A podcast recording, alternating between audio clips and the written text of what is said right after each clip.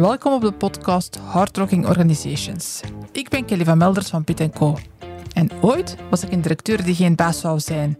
Voor jou ga ik op onderzoek. Hoe maak je een veilige, mensgerichte werkomgeving met een vlakke organisatiestructuur?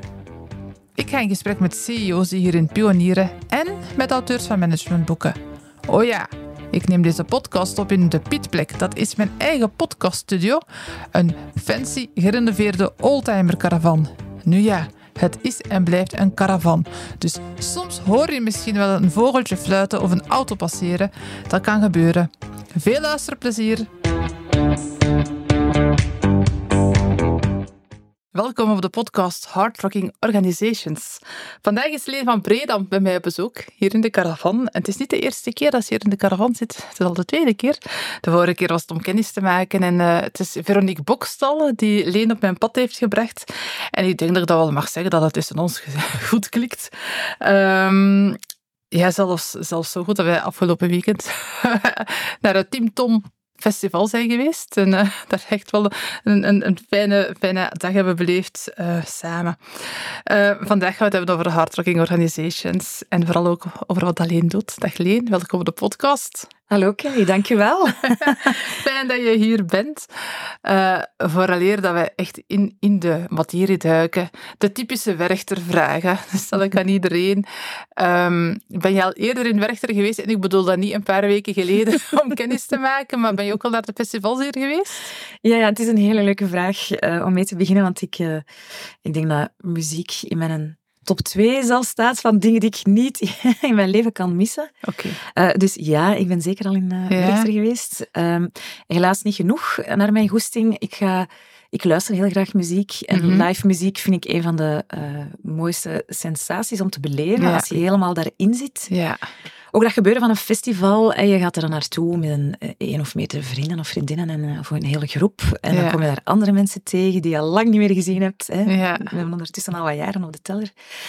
Uh, dus dat hele gebeuren vind ik leuk. Nu, het is niet zo dat ik... Uh, vier dagen op rij elke keer kan. Want ik heb vriendinnen die gewoon echte festivalgangers zijn. Ja. Ik heb dat wel wat te ontprikkelen daarna, maar ik vind het uh, ja, een heel fijn uh, ja. festival om te gaan. We hebben, ik heb, uh, in de rechtenstudies hadden wij nog geen semesterexamens en dan hadden wij vaak tot na Werchter examens. Ja, dat was afschuwelijk. Dat was echt afzien. Ja. Oh, je zat dan nog alleen op kot en je wist dan iedereen hè, dat die klaar waren met examens. Ja. En, uh, en dan nog eens naar Werchter was en dan uh, al die artiesten daar Ja. kwamen. Ja, ik heb toch uh, wel wat artiesten gezien, die er zal dan niet meer zijn. Ik weet nog. Jeff Buckley. Heb ik nog gezien. Uh, dan de Cranberries, dat zijn toch allemaal mensen Ja. vandaag. Sinead O'Connor. Mm. Ja, ja, dus, uh, dus Mooi, ja, ja. graag. Mooie Ja, vraag. Ja, ik kom hier graag. Ja. Volgend Ja. jaar dan misschien eh, Ja. afspraken worden wij? Absoluut, zeker. Ja, ja. Oké, heel fijn. Zeg, ik spreek over hardrocking organizations. Ik ben dan ook altijd benieuwd om eens te horen van wa- waar roept dat bij jou op als ik dat zo zeg? Hardrocking organizations. Ik vind het eh, een, een prachtige naam, want daar zitten eh, gewoon drie dingen in die ik heel Ja. graag heb. Hè. Dus hard. Hè, maar we hebben het daar ook al over gehad. Hè. Dat is hard. Je kan dat eh, op zijn Engels op twee manieren schrijven. Ja. Hè, als hard. Eh, en het is dat wat je ook eh, bedoeld ja. hebt. Ja, hard met een T dan. Ja, hè, hè, met een T, EA. Ehm, dus ondernemen vanuit, vanuit ja, jouw zielenmissie, vanuit jouw hart, met hart en ziel ondernemen. hè. Mhm. En dat is zeker, zeker wat ik met mijn bedrijf wil doen en ook aan het doen ben. Ehm, ik vind dat belangrijk voor elke ondernemer en die ondernemersverhalen zijn ook meestal zo. Hè. Je begint vanuit iets, dat is toch vaak vanuit een bepaalde pijn, Ja. een eh, overlevingsstuk dat je begint. Vanuit jouw hart jouw zielenmissie neerzetten, misschien in het begin vaak met een bewijsdrang. Eh, maar toch om het voor jouzelf en ook voor de wereld, ehm, de mensen rondom jou, de Mhm. mensen in het bedrijf, maar ook wat je doet met jouw bedrijf. ehm, dus een stuk van de wereld beter maken. Ja. Eh, dus dat is voor mij dat hartgedeelte. Rocking, dat vind ik gewoon een ongelooflijk eh coole term dat die ertussen staat. Ook evident dat jij die hier in Werchter eh, Het is ertussen, gelopen hoor. hè, zo gezet hebt. Want ik denk, dat, ik denk dat je het misschien ook wel anders bedoeld hebt, hè, als ik naar jouw podcast eh, geluisterd hebt, eh, heb. Ehm, dus dat rocking, dat is voor mij wel een, een- ja, toch wel dat stoer stuk. Want ondernemen is echt wel, je hebt daar wel eh, de bijreis in Ja, jezelf naar ja. boven te halen op momenten Zeker weten. ja, hè, we hebben het vanmorgen daar juist over sales gehad. Gehad. Wat doen we daar graag in, in dat stuk? Wat doen we daar minder graag in? En dat stuk dat je minder graag doet, heb je, heb je ook wel te doen. Ehm, en ook met de energie van, uh, van de, de rocking-energie. Uh, van ik ga ervoor, want het is mijn zielenmissie die ik ja. neerzetten. Het is een stuk dat ik niet graag doe, maar toch ga ik ervoor. Ja. Het is ook... Um, organization komt daar dan achter en de combinatie voor mij samen zorgt ervoor dat je um, vanuit het zorgenstuk en want ik ben nu nog solopreneur, maar ik heb zeker de bedoeling om, ik droom terug van met een team samen te werken. En ik werk met freelancers samen. Ik vind het fantastisch om terug die samenwerking op te bouwen. Ik doe dat ontzettend graag. Maar ook mijn eigen Kudos Club, hè, met de naam van mijn, met mijn ja. Kudos uh, uit te bouwen. Kudos om het, ja, niet, ik vind, het, leiderschap is de persoonlijke ontwikkeling voor jezelf die je daar te doen hebt. Ik vind dat, allee, primair, dat is op één. Maar ook die ontwikkeling van jouw medewerkers, um, om daarvoor te zorgen Ehm, de ontwikkeling van de organisaties, want ik ga naar organisaties, ik doe aan organisatieontwikkeling en de mensen daarbinnen om dat te faciliteren, dat die zich kunnen ontwikkelen. En dan ook buiten die organisaties, hè, want dat is dan, dan een volgende stap, vind ik. Je hebt het alleen niet binnen je organisatie beter te maken, maar ook daarbuiten, hè, de wereld daarbuiten. Hè. Ja. Je hebt het begrepen. Ja. ja, het is echt een, ja. een, het is een volledigheid dat je het helemaal omschrijft. Het is mooi om, om, om jou dat horen te vertellen. Um, Vooral ook omdat je dat stukje zielenmissie erin meeneemt. Dat, is, dat is voor mij ook belangrijk. Um, en ja, ik, ik heb twee podcasts. Dat is vooral omdat ik, omdat ik merk dat niet iedereen hardrocking organizations in zijn volledigheid um, of misschien klaar is om dat helemaal te begrijpen. En dan een stukje de zielenmissie daarbij. Um, en dus de andere podcast heet Hard Rocking, uh, Let's Create a Hard Rocking Change. Alles met die hard rocking bij mij. Mm Let's Create a Hard Rocking Change. Dat is vooral voor die mensen die de zielenmissie willen leven. Maar eigenlijk hoort het zo samen. Mm Dus ik droom er ook wel van dat dat op een gegeven moment echt wel gaat samenkomen. Um, allee, dat, dat, dat zal wel gebeuren. Um, en ja, voor mijn Hard Rocking Organization is ook zo'n organisatie één waar dat de bedrijfsleider in balans is voor mhm. zichzelf. Dat hij ook zijn, zijn uh, minder mooie kantjes kan mhm. omarmen en, en die, die, die ook mogen laten zijn. Hè. Daar, daar ook een, mildheid naar zichzelf heeft. Maar ook dat hij hetzelfde doet naar zijn medewerkers toe.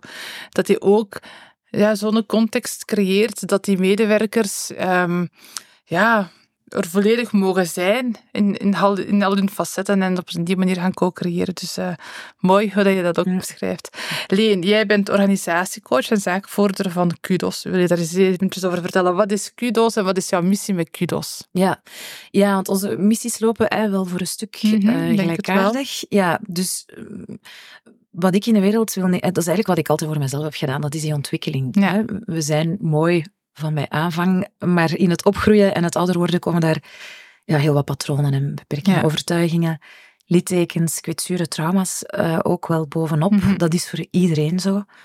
En wat ik heel graag doe, voor mijzelf, voor mijn omgeving, maar ook voor organisaties en de mensen daarbinnen, is hen faciliteren in uh, zichzelf leren ontwikkelen. En zo'n uh, betere werkomgeving te creëren waarin iedereen op zijn plek zit, waarin de balans in orde is, uh, niet alleen work-life, maar ook de balans tussen geven en nemen op die werkvloer. Ja. Um, waar, waar al die zaken gerespecteerd worden. Uh, we moeten lang werken. Uh, dat is een vast gegeven. En hoe kunnen we ervoor zorgen dat we volledig tot ontwikkeling, tot onze volste potentieel komen in ons bedrijf? Ja. Um, Kudos is ontstaan vanuit mijn overlevingsstuk, absoluut. Mhm. Ik heb een uh, notariële achtergrond. Ik uh, ben jurist van opleiding. Uh, ik heb ook notariaat gestudeerd. Hè, en dan na die lange studies, dan mag je beginnen aan een drie jaar stage. Uh, ik ben daar echt vanuit volle goesting en overtuiging aan begonnen, want mhm. ik heb geen notariële achtergrond vanuit de familie. Nee. Helemaal niemand die een juridische achtergrond heeft. Dus ik heb dat beroep echt gekozen omwille van de inhoud en de dienstbaarheid. Uh, mm die, die, want een notaris is voor de helft ondernemer, maar ook voor de helft openbaar ambtenaar. Ja. Dus die dienstbaarheid die je hebt, waarbij dat je niet uurtje factuurtje gaat kijken naar wat dat je... Um, te doen hebt voor de mensen, maar echt gaan zoeken naar uh, hoe kan ik het beste doen, de beste oplossing zoeken voor de mensen. Dus dat trok mij enorm aan in dat beroep. En zeker de, de onpartijdigheid, de neutraliteit, want het is daarom dat ik geen... En wat mijn grootmoeder zei altijd, je moet advocatuur gaan studeren, zoals jij het kunt uitleggen. Dat is het bij mij ook, zeg maar. De punten waren niet goed genoeg bij mij.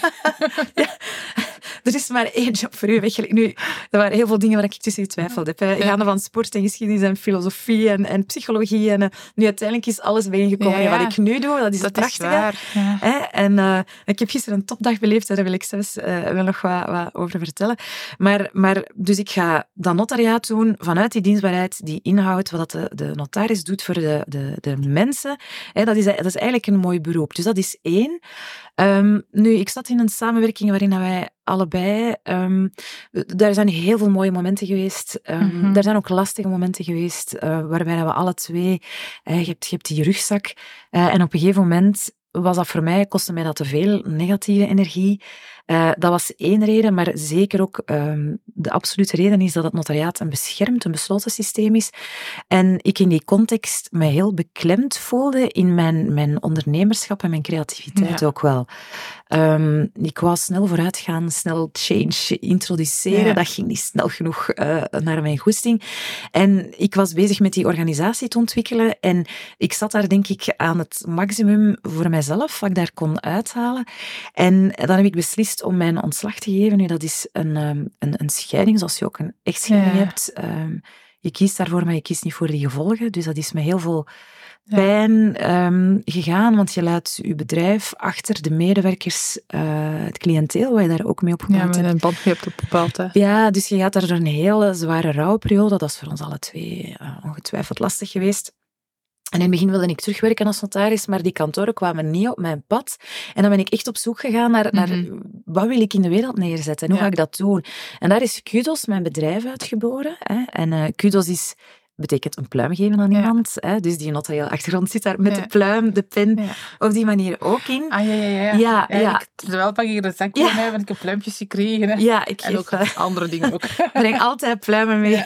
Roze en, en blauwe pluimen. Hè. Um, dat zijn mijn twee lievelingskleuren.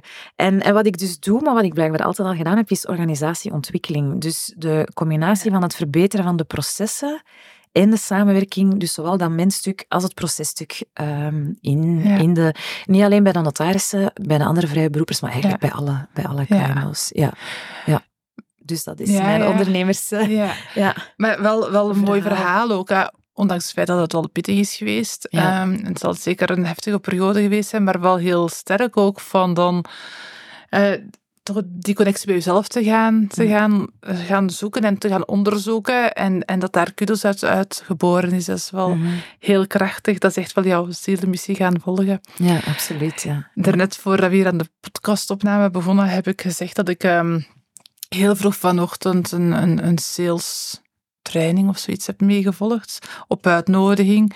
Sales is voor mij, ja, kijk er eigenlijk een beetje naar als een noodzakelijk kwaad. Die, die, man heeft me deze morgen echt heel fantastische inzichten gegeven. Dus uh, ik ben al een beetje uh, anders aan het, aan het redeneren daarvoor. Maar kom, hij sprak dat op een gegeven moment um, over dat het belangrijk is in een salesgesprek verbinding te gaan zoeken met mensen. En, en te gaan uh, vragen stellen en doorvragen. Om dan te gaan aanvoelen van wat voor een type persoon is die. En die gaf daar wel iets interessants. En ik moest aan jou denken. Mm. Hij zei van... Um, veel mensen kennen de insights kleuren. En hij gaf zo het voorbeeld van de blauwe personen. Dat zijn de personen die daar graag op feiten verder gaan. En welke beroepscategorieën zijn dat dan ongeveer? En dat zijn dan de accountants, dat mhm. zijn de advocaten, dat zijn de notarissen. En toen was ik aan jou denken. En, en, maar vooral ook omdat jij zo dat mensgerichte, je zegt zelf, de dienstbaarheid sprak me in dat beroep aan. Um, ja, ja, je bent met organisatieontwikkeling, met change bezig. Dus ik kan me misschien wel voorstellen dat jij als we nu even zo zwart-wit zijn en de groep van de notarissen dan, mm -hmm. daar ook wel een buitenbeentje misschien waard. Ja, dat klopt. Ja, ja dat is absoluut ja, zo. Ja. Was, was er een, ik ben daar nog altijd een zeer exotische vogel. Een exotische vogel. Wel een hele mooie zo, met de blauwe en de, Ja, ik breng altijd pluimen mee. Hè? Ja. Ja, dat klopt. Ja. En, en wat je zegt is, we, we hebben het daar ook over gehad. Hè. Ik dacht vroeger altijd, sales, dat gaat ook niks voor mij zijn, want het is gewoon hard selling. Uh, mm-hmm. Mensen dingen verkopen dat ze niet willen.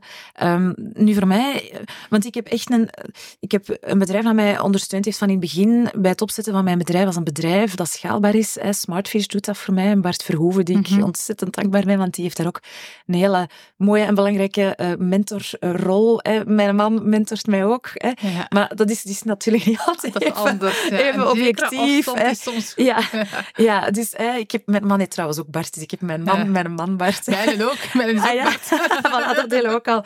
En dan mijn werk Bart. Um, en het, het mooie is, uh, in dat opzetting ben ik weer even met een draad kwijt. Sorry, ik vaak het hardselling. Ja, ja. ja. ja en, uh, en notaris, accountants ook. En ik ben ook bij de accountants bezig, advocaten. Dat is een heel rationeel beroep. Mm -hmm. hè. Um, daar begint het bij. Dus ik was dan uh, in het begin van overtuiging, die sales, je moet hardselling doen. Ik ga dat niet, ik ga dat niet kunnen. Ik blijf. ben daar niet goed in. Nu, ik heb ook een opleiding gedaan als bemiddelaar. En wat je daar leert, is um, heel erg aansluiten op wat mensen vertellen en wat mensen nodig hebben op zoek gaan naar de onderliggende, onderliggende noden, de onderliggende belangen.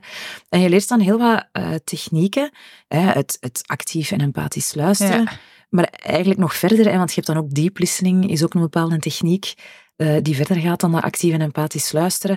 Maar ook het aansluiten, de lalali, ja. daar hebben we het over gehad. Je gaat ja. woordelijk samenvatten wat dat ze jou vertellen in dat gesprek. En, en je hoort ook wat er niet gezegd wordt en, en dat benoem je, waardoor dat iemand zich gehoord en gezien voelt. En dat, dat dacht ik, ja, ja, dat kan ik. Ik ben, ik ben iemand, dat is ook een acroniem wat je leert, uh, ook bij onderhandelen trouwens. Hè.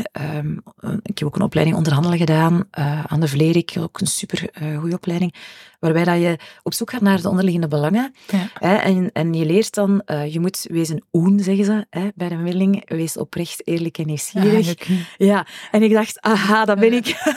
oprecht, eerlijk en nieuwsgierig, dat ben ik al van kinds af aan. Eh, waarom, waarom uh, zijn de bananen krom? Ik denk dat de mensen die mij opgevoed hebben, lachen als ik dit zeg. Hè, want uh, een van, van onze oppassen die zei dat altijd, omdat ze het op den duur beu was, omdat ze niet meer verder kon in het antwoorden op mijn vragen. Waarom? Waarom? Als klein kind. Ja, ja. Dat is toch een van de vele vragen die ik gesteld heb. Dus ik, ik kan echt ik kan echt zo in mensen hun hoofd willen kruipen om die te leren kennen en, en, en gewoon gefascineerd zijn door, ja. door wat beweegt die. Ja. En, en, en dat, dat is superbelangrijk, vind ik, um, als je op een salesgesprek gaat. Probeer mijzelf echt aan de kant te zetten. Het gaat daar niet over mij, het gaat over de persoon voor u die met een hulpvraag zit en die wilt geholpen worden, want daarom heeft hij u gevraagd. En dan kan ik daar heel nieuwsgierig naar zijn. En Wel ja, ik, ik ben natuurlijk ook super nieuwsgierig. en ik praat ook heel graag met mensen, maar ja. Allee, de, de, de, dat salesstukje, dat komt daar ook nog geld vragen. Hè? Een, een, een samenwerking, uh, dat is dan het gevolg daarvan, of dat is tot de, de ja. doelstelling. Maar we, we gaan, het gaat hier niet over salesgesprekken. Nee, nee. Het gaat hier over hardworking organizations. Ja. En, en uh, ja, maar ook daar vind ik het belangrijk om zo echt te gaan verbinden met mensen. Hm. En daar kan ik dat gemakkelijker dan ja. potentiële klanten. Allee, enfin, ik laat het los. Maar het, is, het zijn eigenlijk algemene um, technieken, dat verbinden. Want ja. verbinding is echt wel um, een sleutelwoord voor mij. Ja, voor mij ook. Um, en dat komt ook uit mijn jeugd. Um, verbinding is iets, dat is voor mij ook een signaal. Als ik moeilijk verbind met iemand, um, dan kan ik daar echt door gebeten zijn om op zoek te gaan. Hoe komt dat dan niet klikt, hoe komt dat die verbinding er niet direct is. Ik heb nu trouwens ook, ook een, een eh, uitdrukkelijke opdracht van een bedrijf gekregen van kom bij ons iets doen om de verbinding uh, beter te maken tussen de mensen. Mm -hmm. Het is Mooie iets wat ik... Ja. ja. prachtig. Ja, dan denk ik, ah, dat komt dan op mijn pad. Dat is gewoon heerlijk. Um, er zijn een aantal zaken waar ik gevoelig aan ben en die ik direct voel als ik in een bedrijf kom, ja. die ik zelf ook heel belangrijk vind in een bedrijf, mensen waar ik mee samenwerk en de freelancers waar ik tot nu toe mee samenwerken en ook samengewerkt heb, dat zijn allemaal mensen waar ik van in het begin een goede verbinding mee had. Ja. En dat is iets wat je voelt in je hart. Ja. Uh, en ik voel dat ook als ik een bedrijf binnenstap. Zit de verbinding hier goed? Op teamniveau, op systeemniveau. Um, maar ook de balans van geven en nemen. Want dat is voor mij een noodzakelijke voorwaarde om goed in verbinding te kunnen gaan. Dat is uitwisseling. Ja.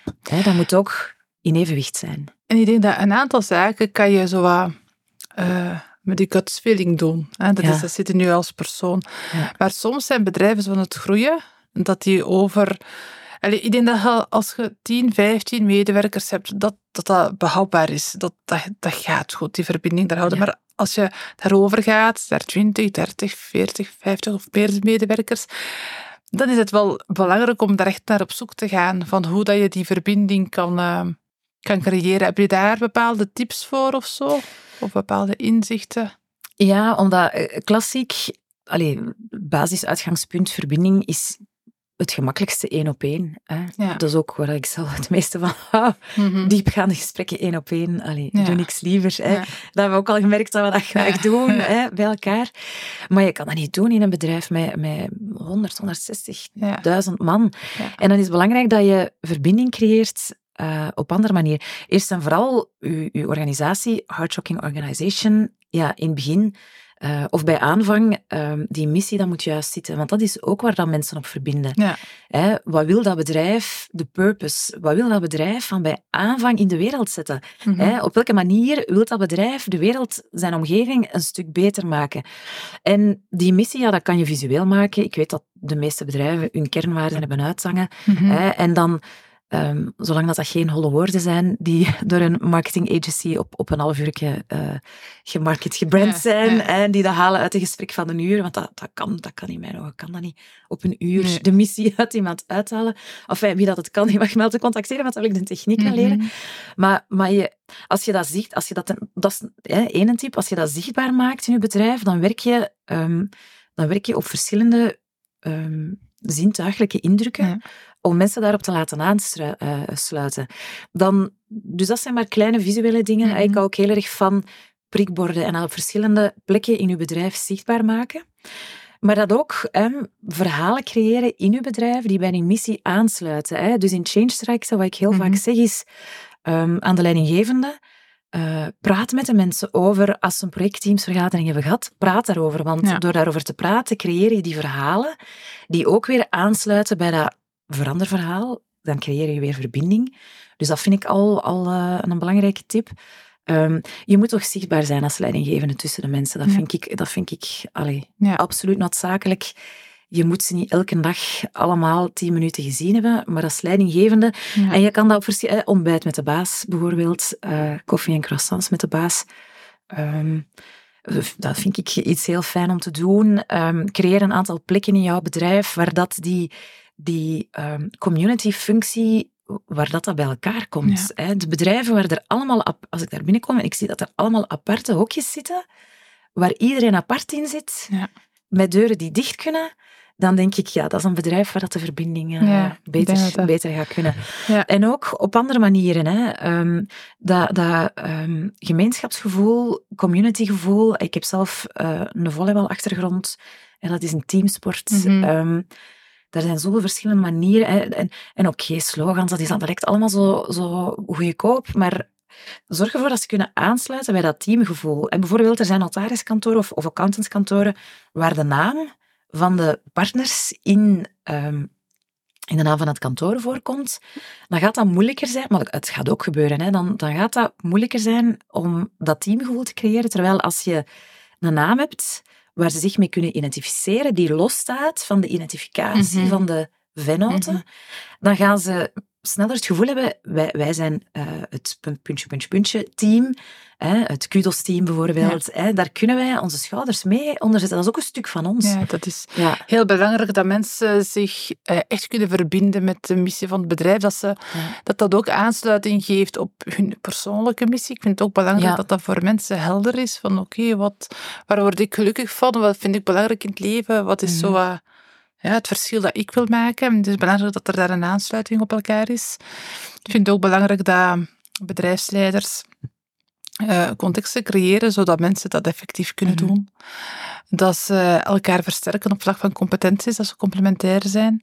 Ehm, ja, er zijn, er zijn zo... En, ik vind dat wel belangrijk om op die manier ook te gaan samenwerken. En ik merk toch ook altijd... Ja, ik, ik heb iets met het woord baas. Hè. Dus zelfs als jij zegt van ontbijt met de baas, dan denk Ja. ik van... Fout, ja, fout, Voor, ja. mij, voor, mij, voor mij klopt dat niet. Nee, nee, Ehm, nee. Maar Ja. ja, ik, ja er, er is iets met dat baas zijn. En wa- waarom? Eh, Voor mij dan, hè. Dat geeft voor mij toch zo'n onderboven Ja. eh, gevoel. Ehm, terwijl dat iemand die dat zogezegd dan baas is, voor mij vooral competenties heeft Mhm. om, om die context te gaan creëren. Hè. Die- Die, die heeft de competenties om het beste in die mensen naar boven te halen. Mhm. En ja, ja misschien heeft het misschien met mijn eigen rugsakje te maken, dat ik zo trigger op dat woord baas. Ja, ja. ja. Ehm, ja, ik, ja, ik vind het belangrijk van te gaan zoeken naar een samenwerkingsstructuur die het gewoon het beste in, in mensen boven haalt, zodat ook eh, het bedrijf Mhm. meer, meer impact en meer resultaat Ja, ja. gaat gaan creëren. Ja, en het is... want dat is een, een titel ook wel. Dat is een rol die je hebt, een titel. Nu, als je die titel jou toe-eigent, baas, zonder dat je de rol vervult, Ja, dat is denk ik wat jij dan aanvoelt dat niet klopt. Hè? ja. Ehm, en je kan die rol vervullen zonder dat je die titel toe-eigent. En dan is dat heel mooi en bescheiden. Langs de andere kant, en wat dat is denk ik, dat is een heel mooie, daar gaan we lang kunnen over filosoferen, Ja, hier nog in de caravan. Hè, wat ik wel vind is, want je hebt dan de zelfsturende teams hè, in, eh, jij kent dat zeker Mhm. vast, hè, heel goed, ook in Nederland. En dan ga je zien dat er altijd van nature uit toch mensen gaan opstaan die dat leiderschap opnemen. En de- waar ik, wat ik wel van mening ben en van overtuigd ben, is dat dat leiderschap is nodig, maar dat zeg jij ook. Ja. Ehm, zeker op momenten van besluiteloosheid, ehm, op momenten dat er, dat er een crisis is. Hè, En Mhm. we hebben fight, flight, freeze, fawn. Hè, eh, wat, is, wat is de vijfde meer? Flop of zo? Eh, ja, het staat mij ook. ja, hè, ehm, dan heb je toch wel mensen nodig die dat leiderschap op zich nemen en die knopen doorhakken. En zeggen, Ja. we gaan nu naar daar en volg mij. Hè, en dat zijn de mensen in de zelfsturende teams, zijn dat de mensen met leiderschapskwaliteiten die dan Mhm. eh, uit zichzelf opstaan. Ehm, ik, ben zelf, ik ben zelf medewerker geweest en dan ben ik eh, benoemd geweest als notaris. Ik werd dan werkgever, dus je verandert eigenlijk bijna van Ja. één dag op de andere dag Van rol, van Ja. jas. Dat is de nieuwe jas die je aantrekt. Ehm, en, en je merkt op de bedrijven waar ik kom, waar ehm, de leidinggevende komt uit een team waar hij collega geweest is, dat hij even moet wennen aan die jas ook, Ja. hè, aan die rol. En die moet daar veel langer aan wennen dan de medewerkers. Want voor de medewerkers is dat duidelijk. Je hebt nu die titel van leidinggevende, want dat is een beter woord. Hè? Dat, Ja, dat ja, vind je ja, ook, dat, denk ik. dat is een mooier woord. Hè. Ehm, en daar kunnen we ook een boompje over opzetten, Ja. want ik vind, ik vind wel dat er een woord mag aangegeven Ja, worden. zeker wel. Ik ook. Hè? Stel je geen baas. Ja. Voor mij dan, hè. Ja. Ja, en ehm, ik kom uit een, een omgeving waarin die hiërarchische structuur, die piramidestructuur, toch nog wel heel erg is. En Mhm. De bazen die dan eh, zeggen, dit is onze beslissing en jij voert uit. En je hebt mensen die ook graag volgen trouwens, hè, die je dan ook vaker terugvindt eh, in die omgevingen. Misschien 10, 20 jaar geleden veel meer, want nu is dat helemaal eh, anders. Ehm, maar die waren daar toch snel aan gewend. En voor mij duurde dat even, want ik me bijvoorbeeld, ik was juist dan benoemd als notaris en eh, eh, elke vrijdag werden de vuilbakken leeggehaald met papier dat versnipperd moest Mhm. worden, want er zat heel wat Mhm. confidentieel Mhm. papier en dat Ja, moest dan ja, ja. versnipperd worden. Dus ik werd benoemd en aan de vrijdag daarna kwamen ze ineens met een vuilbak eh, leegmaken. Ja. Ik dacht, nee, nee, nee. Dus ik heb daar, dat is, dat is, je neemt afscheid van een rol waar ik dan wel wat mijn rouwproces in heb gehad, want het is niet meer gepast dat je alles vertelt zoals je dat aan een hele goede Mhm. collega vertelt. Je hebt toch een klein beetje afstand te bewaren. En je mag vrienden zijn, maar misschien ook weer niet, want als er moeilijke beslissingen genomen moeten worden, Moet je het ook doen, hè. moet je het ook doen. Ja. ik, ja, ik heb Ja. net hetzelfde meegemaakt. Hè. Dus ik ben ook in, in de vorige organisatie waar ik werkte helemaal doorgegroeid tot op een gegeven moment een algemeen directeur. Ehm, ja, ik heb daar zelf ook wel mee geworsteld. Van, oké, nu ben ik dan ineens, dan zal ik dan toch maar het woord baas dan gebruiken. Mhm. Ehm, en ik, ik wou niet dat, an- dat mensen mij anders behandelden of zich anders gingen voordoen ten opzichte Mhm. van mij. En naar mijn gevoel is dat toch wel gebeurd. Ik Mhm. vond wel dat ze mij anders bekeken. Ehm, ook andere verwachtingen van mij hadden. Wat dat stukje logisch is natuurlijk ook. Hè. Maar ja, dat had dan met mij te maken ook van proberen op een goed plaatje te staan bij mij en zich misschien zelf iets anders voordoen. Eh, Dat vond ik zaken die dan niet fijn waren. Maar wat dat wel belangrijk is, heb ik niet gedaan, is van u te laten ondersteunen. Eh, Mhm. Van, van, te gaan, van met uzelf aan de slag te gaan daarin Mhm. en u als persoon te laten ondersteunen. Van ook een soort ja, eh, mensen rondom u te, te, te verzamelen die Mhm. dat een stukje verder kunnen helpen in het pad, maar ook mensen die dan vergelijkbare ervaring hebben gehad. Het is super interessant om, om die ervaringen uit te wisselen. Nu dat we daarover hebben, wil ik dat even ook hier in de podcast zeggen, dat ehm, binnenkort, in oktober is dat dan, Vanessa Tole en ik nu specifiek daar rond een, Mhm. een leertraject, een blended leertraject gaan starten. Vanuit ons beide ervaringen van ehm, als je inderdaad aan het groeien bent met je bedrijf en op een gegeven moment word je in plaats van, ja, word je niet, niet alleen ondernemer, maar ook werkgever. Mhm. Het doet iets met jou. Mhm. Ehm, dus daarom een leertraject waarin dat wij eh, een aantal, we gaan een hardrocking gaan doen. Hè, dus. En stilstaan bij uzelf als persoon, wat dat met jou doet, ook met die emoties dat er daarbij horen. Ook naar jouw ondernemersverhaal gaan kijken, naar jouw eigen missie. Maar ook te gaan kijken van oké, in de rockingstukken dan, wat Mhm. kunnen we dan gaan doen om daar de juiste stappen in te zetten. Ook in Mhm. de groei van je bedrijf, naar mensen toe, maar ook nog, ruimer toe. Enfin, dus mensen dat daar iets over willen weten, Mhm. trek aan mijn mouw. Ehm 11 oktober starten we. Het gaat een maandje duren. We gaan dat kort en krachtig doen. Ehm voilà. Ja, en het is mooi omschreven op de website. Hè? Ja. Ik had het, eh, We hebben er de naam al. opgeplakt. Ja, ja. Fly high met je bedrijf vanuit mensgericht leiderschap. Ja. Ja. Mensgericht leiderschap. En ik denk waar we dan wel op eh, verbinden is, waar ik ook niet van hou, is mensen die zichzelf baas noemen of voelen. Alleen omwille van de titel, Ja. maar dan hun leiderschap niet mensgericht eh, opnemen en vinden Ja. dat je zomaar te luisteren hebt Ja. naar wat zij beslissen. Dat, ja, dat is... Ja, ja, en ik vind dat, dat, dat aspect, je hebt echt wel de omgeving te creëren voor jouw mensen, waarin dat die tot hun volle potentieel kunnen komen. Ja. En dat vraagt, dat is dat zorgende stuk wel, hè, nu daar hebben de mensen dan zelf hun verantwoordelijkheid wel in op te nemen. Mhm.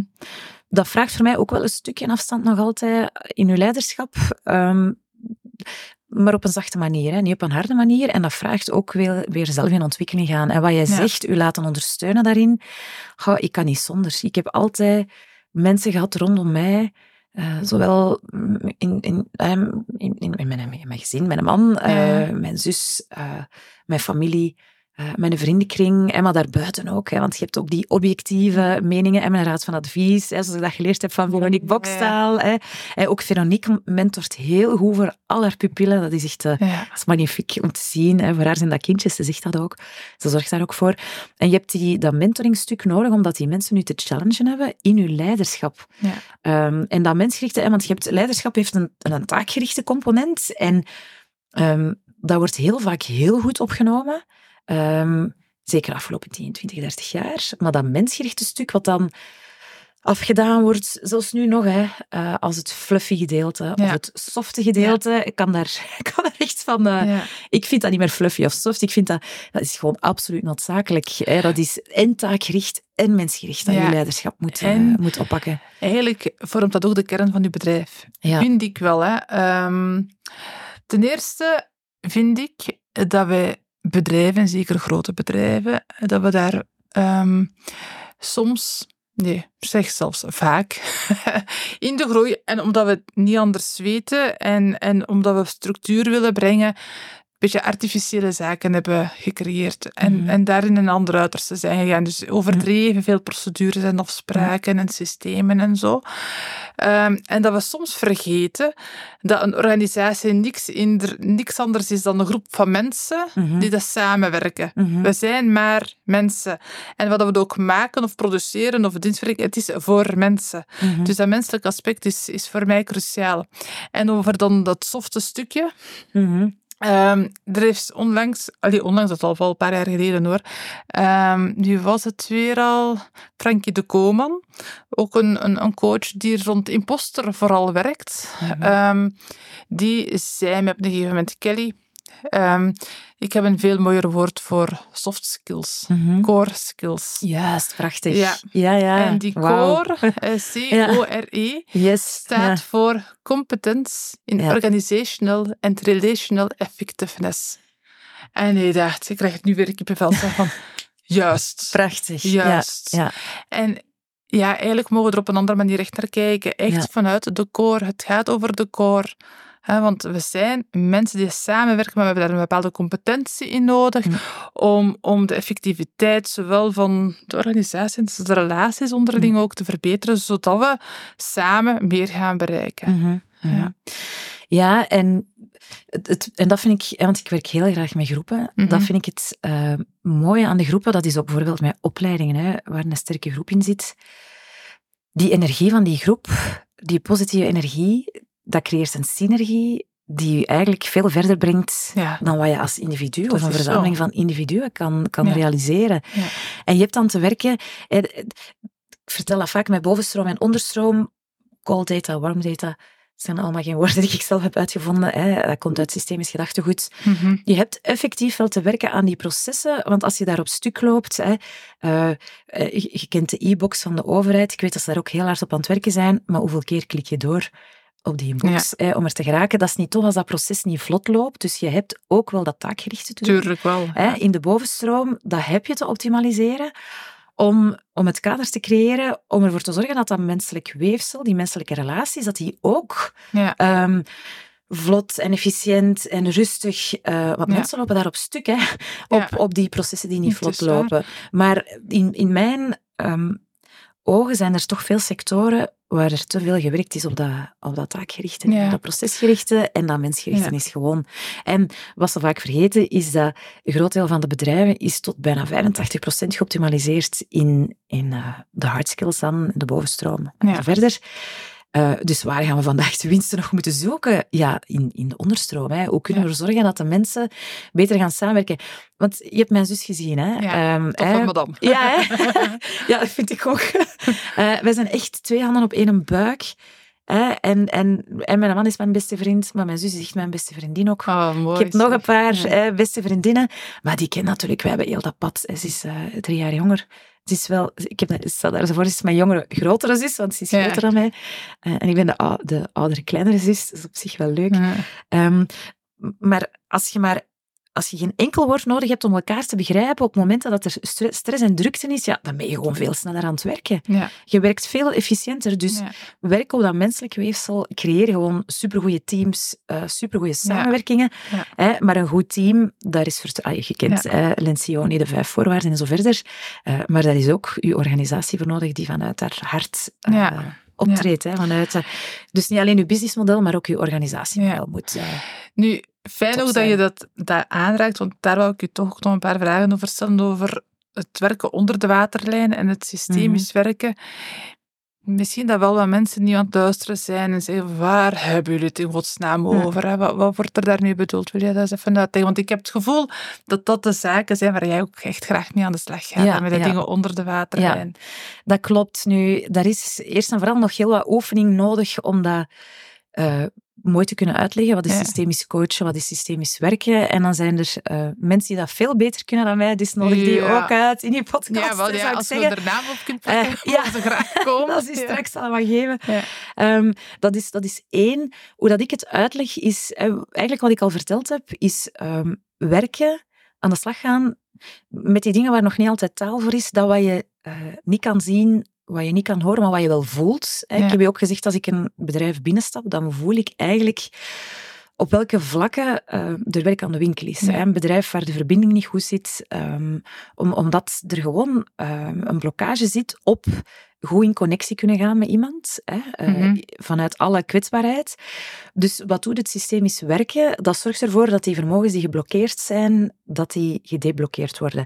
En daar zijn verschillende eh, interventies voor, hele kleine interventies, ook, ook bemiddelaars, hè, die werken eigenlijk voor een stuk systemisch door gewoon te gaan luisteren. Wat wordt er gezegd? Hè? Je hebt eh, zo'n uitspraak, hè? iets wat één keer gezegd wordt, is twee keer is toeval, maar als een derde keer een bepaalde zin herhaald wordt, dan moet je daarmee aan de slag gaan. Hè? Dat is mensen die in weerstand gaan, die gaan toch vaak hetzelfde herhalen. Ja, maar, ja, maar dat, dat kennen we wel. Of, dat, allee, of, of moeten we nu echt veranderen? Of we doen dat hier al jaren zo. Dan heb je daarmee aan de slag te gaan. En dan heb je daar aandacht aan te geven en heb je daarover in dialoog te gaan. Ja. Dus dat is ook een stuk systemisch werken. De meest gekende interventies zijn, zijn de organisatieopstellingen. Ehm, maar dat is al, al een hele intense tool. Hè. Daar moet ook uh, de openheid voor zijn. Je hebt eerst psychologische veiligheid te creëren op de werkvloer. En dat doe je dan met veel, veel meer kleinere intenties. En ja. dat is door, eigenlijk het, waar ik heel hard op werk, is het bewustzijn verhogen. Dus bepaalde vragen gaan, gaan stellen. Uh, op basis van dingen die ik aanvoel, waar de mensen zichzelf nog niet altijd bewust mm -hmm. van zijn, en zo dat, dat, die openheid te creëren, bewustzijn ja. te creëren. Dus ja. dat is het systemisch werken. En het systemisch werken, hè, dat is gebaseerd op het werk van Bert Hellinger, um, die uh, jarenlange studies als antropoloog en socioloog um, um, uh, heeft gedaan en die daar een aantal wetten uit heeft gehaald en die dan uh, de familieopstellingen daar, daar heeft gecreëerd en zo. Ik vat het nu heel kort samen, ja, want daar ja, is veel meer over te vertellen. maar daar kun je twee uur een podcast over maken. En die dan uh, vanuit die familieopstellingen zijn ze naar de organisaties gegaan. Um, bijvoorbeeld de balans van geven en nemen. Ja. En zo, ik, kan, ik kan misschien mijn organisatievoorbeeld vertellen. Je hebt het organigram van een organisatie. Dat is eigenlijk de officiële voorstelling van wie op welke plek zit. Ja waar bijvoorbeeld de leidinggevenden in dat organigram uh, een plekje hoger staan dan de mensen daaronder. Maar je kan daarnaast uh, ook het informele uh, organigram, het genogram gaan opmaken van een organisatie, waarbij dat je de informele machtsposities in kaart gaat brengen. Want het kan zijn dat jij als leidinggevende officieel de macht hebt, maar dat er eigenlijk mensen onder jou staan naar wie men luistert. En dat zorgt voor onevenwichten. Ja. Dus iedereen heeft op zijn juiste plek te staan, uh, de juiste volgorde. Daar is verbinding en connectie nodig. Uh, dat geven en nemen moet in orde zijn. Hè. Bijvoorbeeld mm -hmm. organisaties waar er heel veel overuren gedraaid worden, die niet vergoed worden op geen enkele manier. Ja, daar moeten andere dingen tegenover ja. Uh, anders is daar geen balans en dan heb je geen ja. gezonde organisatie. Ja. Eigenlijk ligt dat ook wel een stukje een kernwoord, dat balans. Alles ja. moet wat in balans zijn. Nu, um, systemisch werk in, in, organisaties kende ik nog niet. Het is wel zo, ik, een, een aantal zaken van de technieken die dat jij zegt, doe ik misschien wel, maar dat is van het buikgevoel. absoluut. Uh, zonder dat er daar echt wel uh, modellen mee gemoeid mm. zijn. Maar dat is misschien ook wel te maken met het feit, ik denk dat wij op dat vlak een beetje hetzelfde zijn. Ik denk dat wij ook mm -hmm. sensitief zijn en mm -hmm. En ja, de dingen heel snel oppikken. En, en ook wel communicatief zijn om ze dan in gesprek te brengen. Maar de technieken daaromtrent zijn voor mij nieuw. Systemisch werk toekoor is nog maar iets op mijn pad is van de laatste twee, drie maanden. Mm -hmm. um, maar wat wel belangrijk is, denk ik, is van... Ik heb het leren kennen naar mij persoonlijk toe, hè, omdat um, ik merk, en ik denk dat het in organisaties niet anders is, dat je je, je, bent on the journey. Hè? Je, bent, je bent dingen aan het doen. En je hebt soms pittige periodes. Hè? Ik heb het ooit vergeleken als groeisprongjes. Mm-hmm. Uh, mm-hmm. Ook in organisaties is dat niet anders. Hè? We, we, we zijn iets aan het doen, een moeilijk moment. Het is eigenlijk een groeifase. Eigenlijk moeten we daar eens aan de slag gaan van oké, okay, wat zit er hier nu? En dan maak je weer een doorstart en je gaat weer opnieuw. Maar dat zijn eigenlijk patronen. Je komt er altijd opnieuw op terug. En um, persoonlijk hè, vind ik het, heb ik geleerd hè, door, door schaanschand, mm -hmm. dat als je terug op zo'n punt komt dat je zegt, potverdorie, hier sta ik weer, dat dat een uitnodiging is om wat dieper te gaan, wat dieper onder de waterlijn. Mm -hmm. Maar in de organisaties is dat volgens mij niet anders. Absoluut, dat is ja. juist. Ja, ja, ja. Dat, is, dat is helemaal juist. Ja, ja, ja. ja. Maar dat zijn maar zaken die ik zelf aan het ontdekken ben nu, mm -hmm. ook door, door bijvoorbeeld hier het gesprek met jou. Um, maar fijn is om te horen dat er daar bepaalde technieken mm -hmm. zijn die je kan toepassen om dat laagje dieper te gaan. Mm -hmm. um, maar het, ja, ja, het, dat is dan uiteindelijk weer wat die core skills ook zijn. Hè? Het, ja. het vermogen om dat laagje dieper te gaan. Hè? Ja, en want dat klopt, in organisaties is dat zeker zo. En ik uh, heb dat ook geleerd. Dus ik vertel nu aan het begin van elk project, hè, uh, doen we een opstart, allee, de, de vervolgtrajecten, waar ja. ik echt in de diepte ja. ga in de organisaties. Uh, vertel ik bij de opstart van de projectteams dat de kans zeer reëel is dat er momenten zullen zijn van twijfel, dat er moeilijke momenten zullen zijn. Zeker omdat een, een transformatie of een change traject is nooit lineair van ja. A naar B met een rechte lijn. Want oh, we houden daarvan, van duidelijkheid ja. en rechte lijnen. Ja, en, en, we zien B voor ons en we willen daar naartoe. En je hebt ook dat filmpje van de, de blue pill en de red pill. Welke pil wil je nemen? Ja, kan kiezen voor de ene pil, de rode pil, dat is die rechte lijn, maar je weet dat je daar niet gaat geraken. Of je kiest voor het pad van de ontwikkeling, dan neem je de blauwe pil. Je moet dat maar eens opzoeken op Ja, YouTube. ik. Maar weet, weet dat, je, hè, dat, dat jouw lijn zal een, een lijn zijn van eh, dalen en pieken, ja. een zeer hobbelig parcours. En dat is gewoon wat dat, wat dat transformatie, verandering, vooruitgang. En eigenlijk zelfs elke organisatie gaat daardoor. En ik zeg dan, als je dat voelt, benoem dat dan. Ga erover in dialoog met elkaar. Met mij, spreek mij aan. Eh, ik toon hem vaak ook een, een, leuk, een leuke eh, grafiek, eh, waarin ik in de rechte lijn laat zien en de, de lijn van change, die een zeer eh, Ja.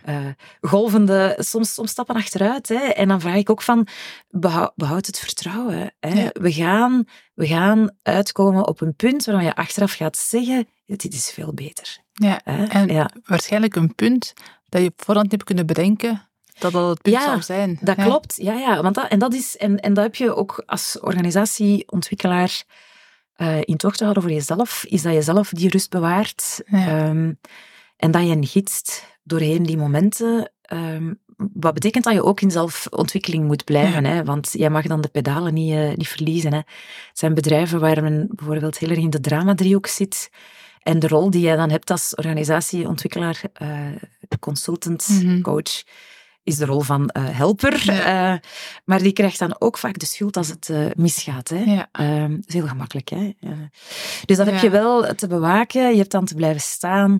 ehm, in alle rust je eigen patronen te herkennen en hen dan daardoor te loodsen. Hè? Ja. En dan, dan uit te komen op een punt dat misschien niet het punt was wat men in het begin voor ogen had, maar, maar wat zeker altijd een betere punt is voor, Ja. eh, voor, het organisatie, voor de organisatie. Oh, Lene, ik denk dat wij hier echt wel een Ja. serieuze podcastreeks Ja. zouden kunnen opnemen, waar dat we helemaal in de diepte gaan. Ja, helaas, vandaag kunnen we daar niet zo echt in detail doorgaan, maar, maar ja, super, super interessant. Hè? Ja.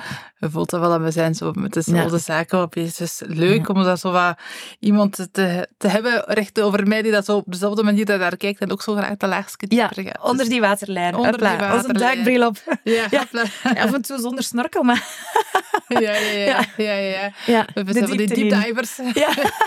Ach ja, mijn zoon Ja. zal lachen. Alleen niet dat hij gaat luisteren. Dat is echt Die een dacht, duiker, Ja, ja, ja, ja. ja, ja. Goed. Ja. Ehm, ja, mijn bedrijf heet Piet Co. En dat weet je wel. Ehm, en groei door connectie is de baseline. Ik geloof effectief door die connectie, door die verbinding ontstaat er groei. Mm. Op alle mogelijke niveaus, en op alle mogelijke manieren. Mhm. Ehm, daarom dat ik ook het einde van de podcast altijd drie dezelfde vragen stel aan de Mhm. mensen. Dus hier gaan ze ook voor jou komen. Ja. Ehm, eh, je weet, eh, de, de luisteraar die ik voor ogen heb hier voor de podcast, is iemand die een hardrocking organization wil gaan uitbouwen. Mhm. En dan stel ik ook altijd de vraag van, als je nu zo eens één tip, zo één cruciale tip of inzicht zou, zou mogen delen, welke zou dat dan zijn? Ehm, ene maar, hè. Ja, één. Dat vraag je dan De- de aan een organisatieontwikkelaar. Ja, kijk. Voor de Ehm, rest moeten ze u ja. bellen. Dankjewel. of mij Ja. ook. Van samen. Ja, voilà. Ja, ja ehm, goh, voor mijzelf, eh, want ik heb een heel parcours afgelegd, hè, Ja. ehm, maar voor mijzelf is ehm, blijven, blijven doorgaan. Hè. Wees je authentieke zelf, uiteraard, maar ehm, blijven doorgaan, want dat is echt ondernemen. Hè. Dat is, hè, ik las van het weekend dat jij zei, ik heb een diepe gehad. Ik denk dat wij Mhm. misschien op dezelfde moment dan... Ik heb er nog gehad, hè, meerdere. We hè. hebben dus ja. een diepje gehad, we Ja. hebben elkaar gezien en niet gezegd. ook dat straf. ja. Ehm, ja, en, en op die diepjes is het moeilijk. Hè? En dan, dan is het belangrijk dat de mensen in jouw omgeving jou blijven aanmoedigen. Ik heb zo vaak het gevoel gehad, ik heb al 42 marathons gelopen en ik heb nog geen uitzicht op wanneer ik aan het einde van de volgende marathon zit. En dan, dan, dan zullen er veel mensen zijn die stoppen. Het is echt wel, blijf doorgaan. Blijf doorgaan, want het succes ligt daar juist eh, waar andere mensen stoppen en waar jij blijft Ja. doorgaan. En je weet dat hè, eh, succesvol zijn. Ha, ja, we hebben dan die social media waarin dat je een aantal dingen laat zien, maar de mensen weten zo vaak het verhaal erachter niet. Nee. En wat een bloed, zweet en tranen, al, alle drie letterlijk soms, hè, eh, dat je, dat je al die, die, die, dat vocht dat je daarvoor hebt echt letterlijk laten gaan. Ja. Blijven doorgaan. Blijf geloven in jezelf. En op het moment dat je niet gelooft in jezelf, ga dan echt naar buiten toe. Ja. Connecteer mijzelf, maar connecteer dan met die buitenwereld. Ja. Zoek die mensen op waarvan je weet, die geloven in mij, die dat dan gewoon Ja. ook zeggen en die je erdoor sleuren. Ja. Ja. En zeker als je dan de, de zin hebt om zo'n hardrocking organization te gaan uitbouwen. En het is een diep momentje, maar echt, er zijn hier twee mensen hier waar dat je aan de, aan de mouw kunt trekken. Ja. En ik geloof in synchroniciteit, hè, omdat op mijn ondernemersdiepje, hè, jij checkte dan jouw aantal eh, luisteraars van de podcast, dan krijg je altijd zo, zo vind ik weer een signaal van Ja. ergens anders. Op, op dat moment kwam dan bij mij weer de vraag van, wil je onze eh, organisatie komen helpen om meer verbinding Ja. te creëren? En dan denk ik, dit is gewoon helemaal mijn ding. ja, en daar put je dan weer die moed uit. En, en, eh, Om de volgende marathon te ja, gaan. ja, om weer de volgende marathon eh, aan te vatten. Ja, ja. Ehm, de tweede vraag. Ehm, ja, eh, groei door connectie, hè, daar, hebben we, Mhm. eh, daar gaat het over. Je hebt heel veel informatie en inzichten met ons gedeeld. Mhm. Daarvoor heel veel dank. Maar groei door connectie werkt ook in de andere richting. En daarom stel ik ook de vraag: is er iets of iemand ehm, waar je nu zelf aan denkt, nu in deze fase van jouw eigen ondernemerschap, waar je zelf graag mee in connectie zou willen komen? Ehm, iemand waar ik graag zelf mee in connectie zou komen, dat is eigenlijk... ehm, ja, want ik ben solopreneur en ik, Mm. ik... Mijn hart bloedt al als ik dat woord zeg. Ik ben iemand die graag samenwerkt en ik heb de freelancers waar ik mee samenwerk Ja. en die allemaal stuk voor stuk eh, prachtmensen zijn, iedereen een expertise. Maar in organisaties gaan, dat heb je echt met iemand samen te doen. Zeker op momenten dat het moeilijk wordt, iemand die jou kan wijzen, ook op jouw patronen, ja, ontwikkelpad. Ehm, en ik wil dan echt wel graag iemand eh, op mijn pad tegenkomen waarmee ik in die organisaties kan samenwerken. Ook vanuit dat systemisch gedachtegoed, dat vind Ja. ik wel een belangrijke. ehm, want je hebt dat wel in te zetten en, en te kennen. Ehm, ja, en ik mis dat overleggen in die, in die Mhm. dossiers. Zo is even, eh, volgens een MBTI ben ik introvert als ik die testen doe, maar ik denk dat ik eerder ambivalent ben. Eh, dus ik heb dat extravert stuk ook wel heel erg in mij. En ik vind het niet fijner dan, dan zo samen nadenken over die organisatievraagstukken. Ja. Dus dat is eigenlijk mijn vraag. Dus die, die persoon, ehm, die mag op mijn pad komen. Ja. Ja. Ja, voor een stukje moet het ook altijd aan mijn schouder trekken. Ja. Want ja, ik vind het ook, ik vind het ook echt superleuk om Hm. ja, daarvan gedachten te wisselen en te Mhm. sperren en te doen. En ook, ik ben eigenlijk tot nu toe solo-ondernemer. En het feit dat ik Ja. dat ben, heeft ook wel echt wel met mijn rugzakje te maken. Mhm. Ehm, maar waar ik misschien nu ook wel op dat punt ben gekomen van... Het hoeft niet zo te blijven. Ja. Mhm. Enfin. Maar als er nog andere mensen zijn die zeggen van, ah ja, leuk, Ja. en weet ons te vinden. Ehm, ik ga een laatste vraag stellen. Ja. Ehm, ja, groei door connectie. Hè? Dat blijft het centrale thema door die laatste Mhm. drie vragen. En dan is mijn laatste vraag van, denk je nu zelf aan iemand waarvan dat je denkt van, Kelly, die zou ook eens op jouw pad mogen komen? Mhm. Ja, en dan, eh, want ik wist natuurlijk dat deze vraag kwam en er zijn er zoveel die ik zou Ja. kunnen voorstellen. Hè. Eh, ik kon het onmogelijk bij één persoon houden, dus ik ga twee dames, het zijn twee dames, want er zijn uiteraard ook ontzettend veel boeiende en interessante mannen, maar ik vind eh, Ja. Vrouwen steunen elkaar. Ik vind dat we dat nog niet genoeg doen. Ja. Ehm, ehm, dus twee dames, hè, ze zitten alle twee in mijn hart eh, Mhm. voor altijd. De eerste is, eh, ja, het zijn alle twee vriendinnen. De eerste is echt, echt wel een van mijn hele goede vriendinnen. Dat is eh Veerle Schijs. Eh, zij is eh, ik eh, niet. topadvocaat. Er moest er een, ooit een serie zijn over topadvocaten. Ah. Ze daar zeker in thuis.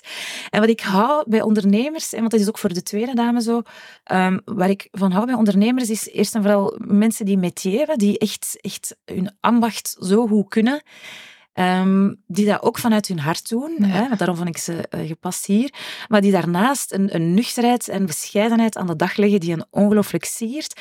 Maar wat er ook wel voor zorgt dat ze zichzelf niet genoeg in het daglicht zetten. Ah, ja. En dus hè, wat Veerle, wat zo mooi is, hè, dit is gewoon een ongelooflijk goede advocaat arbeidsrecht. Ze werkt Mhm. bij Employ, eh, die een aantal vestigingen hebben, waaronder één in Hasselt.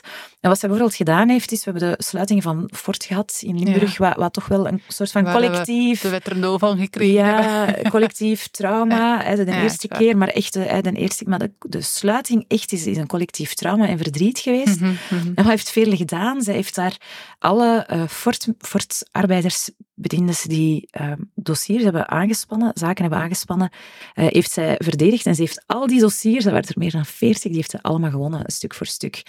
En ze begeleidt ook fusies, dus connecteren van die verschillende organisaties.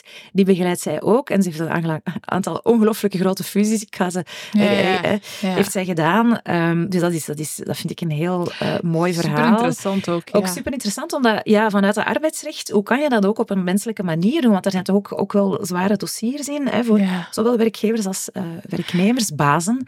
Ehm, dus, dat, dus dat vind ik eh, alleen een hele mooie, sterke dame. Ehm, die vanuit het hart eh, haar werk doet. En dan de tweede dame is ehm, eh, ook een eh goede vriendin ehm, die twee bedrijven heeft. Dat is Ellen Maris. Zij heeft eigenlijk haar, haar, eigenlijk haar babytje, haar kindje, is Mapra. Dat is een bedrijf dat fiscaal advies geeft, successieplanningen dout. Ehm, dat is eigenlijk iets wat ze uit volle overtuiging, waar ze zelf voor gekozen heeft. En dan het tweede bedrijf is AVT. Dat is een bedrijf dat sanitair doet. airco's, dus eh, eh, een hele mannenwereld in de Ja. bouw. Dat is het bedrijf van haar ouders geweest, want dat is eigenlijk ook het bedrijf waar haar, haar man voornamelijk in werkzaam was. En ik zeg was, want ehm, dus Ellen en, en Rob hè, zijn, eh, waren zeer... Ellen is nog altijd graag gezien, eh, zeer graag geziene personen. eh, in, in zowat heel Limburg, denk Ja. ik. Niet alleen in het ondernemerslandschap, maar Rob is helaas zeer onverwacht eh, overleden. Oh. Ja, aan, aan, aan zijn hart. Ehm, Hmm. Ehm, dus daarom. En wat heeft Ellen gedaan? Ellen is een ongelooflijk sterke dame. Die heeft die twee bedrijven. Ja, gewoon ehm, sinds zijn overlijden, de AVT heeft hij helemaal eh, verder gezet. Ongelooflijk hard gewerkt daarin. En dat in een mannenwereld. En heeft dat zo mooi gedaan. Dus dat is geen harde vrouw. Ik vind dat een zeer sterke vrouw met een, met een positiviteit. Allee, zowel Velen als Ellen kunnen beide het handboek van de positieve psychologie eh, schrijven. Amai. Ja, dat is gewoon inspirerend. En dat is ook weer iemand waarvan ik vind, die, die had al alle prijzen, vrouwelijke ondernemersprijzen mogen winnen. Ja. Ik denk niet dat ze er al één gewonnen heeft, maar dat is vanuit die bescheidenheid. En dan denk ik, Ja. ah kom, die mogen echt wel eh, in het daglicht staan. Ja, wel, ik, eh, in de schijnwerpers. me In de schijnwerpers, ja. Met hen in contact Ja, dat brengen. ga ik doen. En Ja. ja. we kunnen starten met een bescheiden podcast. Maar ook jij weer mag jezelf van meer in de schijnwerpers ja, ja, zetten. hoi, hoi, Ja. aan duizend luisteraars. Ja, voilà. Ja. Ja, en toch prachtige pro- programma's. Je, je kan Ja, hier direct ja. heel veel eh eh, kudos complimentjes aan, eh, aan u geven. Ja, Hoor. je schrijft zo mooi. eh, je hebt mooie posts. Dus, allee, Mhm. eh, en ook vanuit die connectie, eh, vergeet niet te connecteren met jezelf en met alle positieve eh, eigenschappen waar, die je hebt, dat hè, is, Kelly. Dat is, dat is Ja. wat we allemaal wel wat weinig doen. Hè. Ja, Zo van... We, we zien vooral wat dat we nog niet doen. ja. Wat, Ja, wat we absoluut. al gedaan hebben. ik ik Eh, herken het helemaal. Ja, ja, ja. ja, Leen, heel erg bedankt voor het super fijne gesprek. Ehm, Zeer Ja, graag we gedaan. keep in touch en we gaan zelfs gaan Absoluut. we, zetten het, we gaan nog verder in de diepte. We zetten onze duikbril. En, eh, We hebben nog een hele fijne namiddag. Tot later. heel erg bedankt. Dag.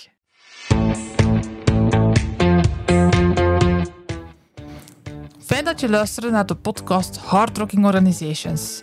Hoe start je daar nu concreet mee? Wel, op mijn website kan je een Hard Rocking Organizations Quickscan downloaden.